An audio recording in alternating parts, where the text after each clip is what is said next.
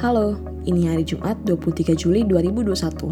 Selamat datang di episode ke-39 Listen Up, podcast mingguan dari Catch Me Up yang akan merangkum berita terkini dari berbagai isu buat kamu.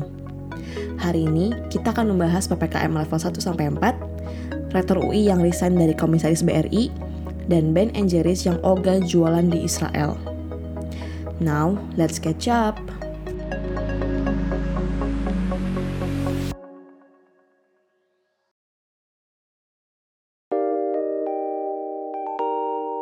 Kalian pasti udah dengar soal pergantian nama PPKM darurat di Pulau Jawa dan Bali yang jadi PPKM level 1 sampai 4.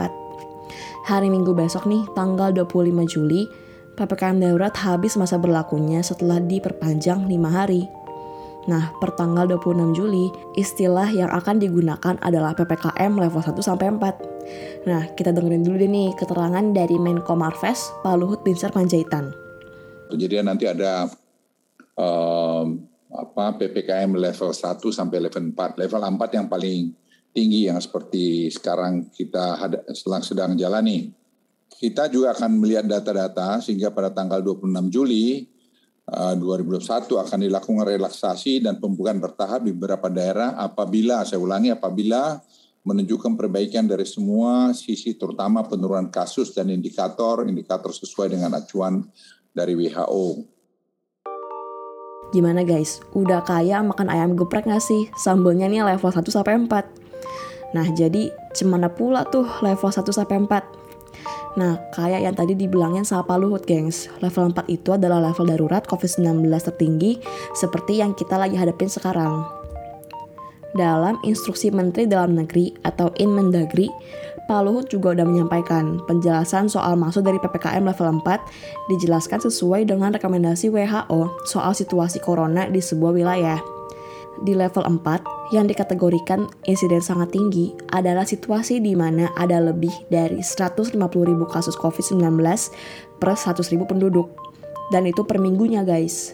Nah, udah gitu ada lebih dari 30 kasus yang dirawat di rumah sakit per 100.000 penduduk dan ada lebih dari 5 kasus meninggal per 100 ribu penduduk juga. Nah, di sinilah nih situasi kita sekarang, khususnya di Pulau Jawa dan Bali. Pada level 3 atau insiden tinggi, artinya kondisi ini ada 50 sampai 150 kasus COVID-19 per 100 ribu penduduk per minggunya. Terus 10 sampai 30 kasus yang dirawat di rumah sakit per 100 ribu penduduk dan 2 sampai 5 kasus meninggal per 100.000 penduduk di satu daerah. Terus menurun nih ke level 2 atau insiden sedang, terdapat 20-50 kasus COVID-19 per 100.000 penduduk per minggunya. Terus pasien yang dirawat di rumah sakit itu per minggunya 5-10 kasus per 100.000 penduduk. Dan angka kematiannya nih kurang 1-2 orang per 100.000 penduduk. Ke paling bawah di level 1 atau insiden rendah, angka kasus terkonfirmasi COVID-19-nya kurang dari 20 orang per 100.000 penduduk per minggunya. Lalu, pasien yang dirawat di RS kurang dari 5 orang per 100.000 kasus, dan angka kematiannya hanya satu kasus per 100.000 penduduk. Meanwhile, berdasarkan data Satgas pada 16-19 Juli kemarin, pemeriksaan spesimen terus menurun, yakni di bawah 200.000 spesimen. Menurutnya jumlah pemeriksaan spesimen ini membuat sejumlah pihak curiga nih, ada unsur kesengajaan supaya pas nanti nih tanggal 26 Juli besok udah bisa dilakukan pelonggaran karena kasus COVID hariannya turun. Juru bicara vaksinasi COVID-19 Kemenkes Ibu Siti Nadia Tarmizi juga bilang, jumlah tes di sebagian besar kabupaten kota enggak sampai 50% dari target dan cuma 11 daerah aja yang memenuhi target. Makanya nih, pemerintah daerah didorong untuk menggelar testing yang lebih besar. Nah, selama PPKM darurat dan PPKM level 4 nanti, pemerintah udah anggarin bansos yang udah mulai dibagiin. Mulai dari bansos program keluarga harapan, bantuan sosial tunai, bantuan beras, dan juga program kartu sembako. Selain itu, pemerintah juga akan memberikan subsidi gaji sebesar 1 juta rupiah untuk pekerja di wilayah yang menerapkan PPKM level 4 hanya pekerja yang gajinya di bawah 3,5 juta rupiah yang akan mendapatkan bantuan.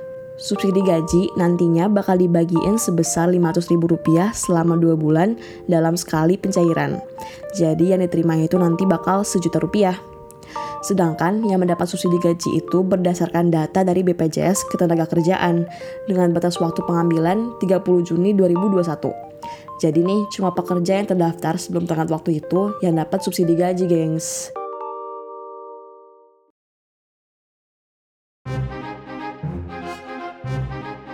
Gila, netizen Indonesia emang juara banget nih kalau bikin sindir-sindiran.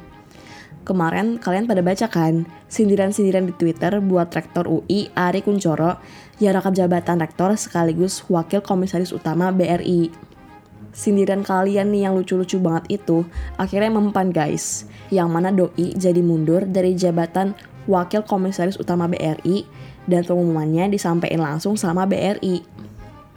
Di keterangan tertulis, BRI bilang, Kementerian BUMN RI telah menerima surat pengunduran diri Ari Kuncoro sebagai Wakil Komisaris Utama atau Komisaris Independen BRI dan menginformasikannya secara resmi kepada Perseroan. Sehubungan itu, Perseroan menerbitkan keterbukaan informasi pada tanggal 22 Juli 2021. Adapun proses berikutnya, Perseroan akan menindaklanjuti sesuai ketentuan dan prosedur. Barangkali kalian lupa nih, jadi Nama Ari Kuncoro menjadi sorotan setelah dirinya memanggil BEM UI atas kritikannya yang menjuluki Presiden Joko Widodo The King of Lip Service. Nah, pemanggilan ini dinilai menjadi sandungan terhadap demokrasi. Karena kan teman-teman di BEM UI ini mengkritik presiden bukan tanpa alasan dan juga dilengkapi data dan argumentasi yang kuat. Pemanggilannya nih mendadak banget, lagi weekend pula dan di tengah-tengah pandemi. Waktu itu juga pihak rektorat bilang nih, postingan tersebut kurang tepat karena Pak Jokowi adalah simbol negara. Hal ini kemudian menuai kecaman dari masyarakat karena pemanggilannya ini dinilai sebagai upaya membungkam suara kritis para mahasiswa. Nah, dari situ deh, publik jadi tahu kalau Pak Ari Kuncoro ini ternyata rangkap jabatan Wakomut di perusahaan BUMN. Tor ditambah gaji Wakomut, cuan guys. Ari Kuncoro terdaftar di LHKPN, punya kekayaan sebesar 52,4 miliar rupiah. Ombudsman RI sebelumnya menyatakan nih kalau ada maladministrasi terhadap rangkap jabatan Ari Kuncoro sebagai komisaris BUMN. Merujuk peraturan pemerintah nomor 68 tahun 2013 tentang statuta UI, Rektor UI dilarang menjadi pejabat di perusahaan BUMN, BUMD maupun swasta. Tapi jeng jeng jeng jeng 2 Juli 2021 Presiden Jokowi menekan peraturan pemerintah nomor 75 tahun 2021 tentang statuta UI. PP ini mengubah aturan sebelumnya yang melarang rektor merangkap jabatan di BUMN. Nah, terkait rangkap jabatan, dosen hukum UI Ganjar El Tobing bilang gini, gengs. Bahwa setiap jabatan itu dilarang merangkap jadi larangan rangkap jabatan itu nyata ya. Mungkin ya rangkap jabatan tidak melanggar hukum, tetapi okay. yang pasti dia melanggar etika. Etika ya. Mhm. Ya, karena kata kuncinya iya melanggar etika itu sudah pasti. Okay. Ya. Nah, cuma begini, kalau orang sudah melanggar etika, jangan harap dia akan taat hukum, hmm. apalagi menegakkan hukum anak-anak UI tahu lah ya, Bapak Ari Kencoro ini guru besar ekonomi dengan Google Index 14. Sebelum menduduki kursi rektor UI, dia pernah menjabat sebagai wakil dekan Fakultas Ekonomi dan Bisnis.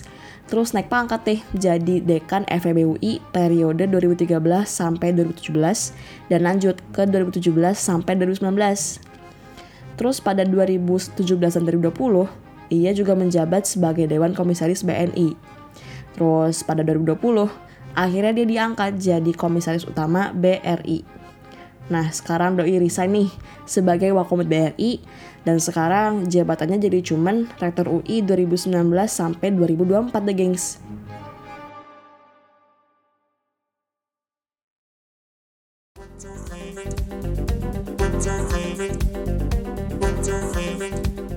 Siapa di sini yang suka makan es krim fancy Ben Jerry's?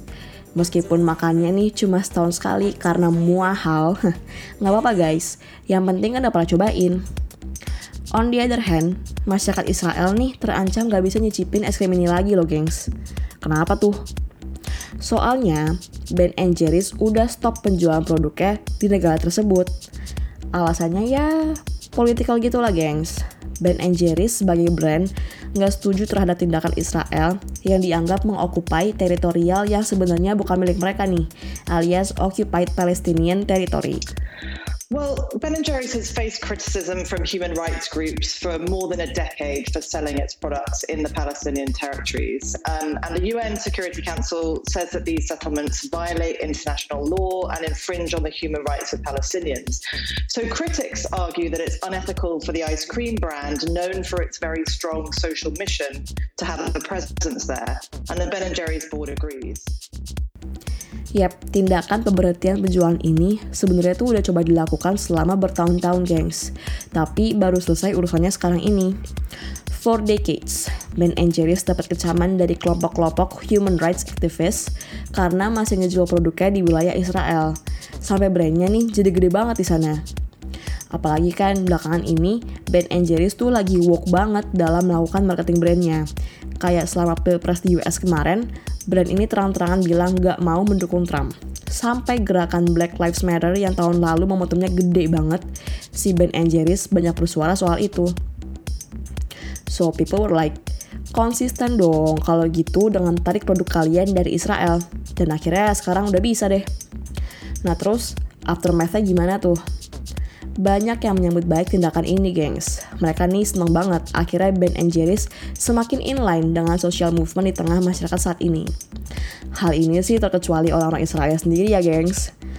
Perdana Menteri Naftali Bennett bilang kalau tindakan ini tuh secara moral udah nggak benar, dan secara finansial dijamin bakal ngerugiin perusahaan es krim tersebut.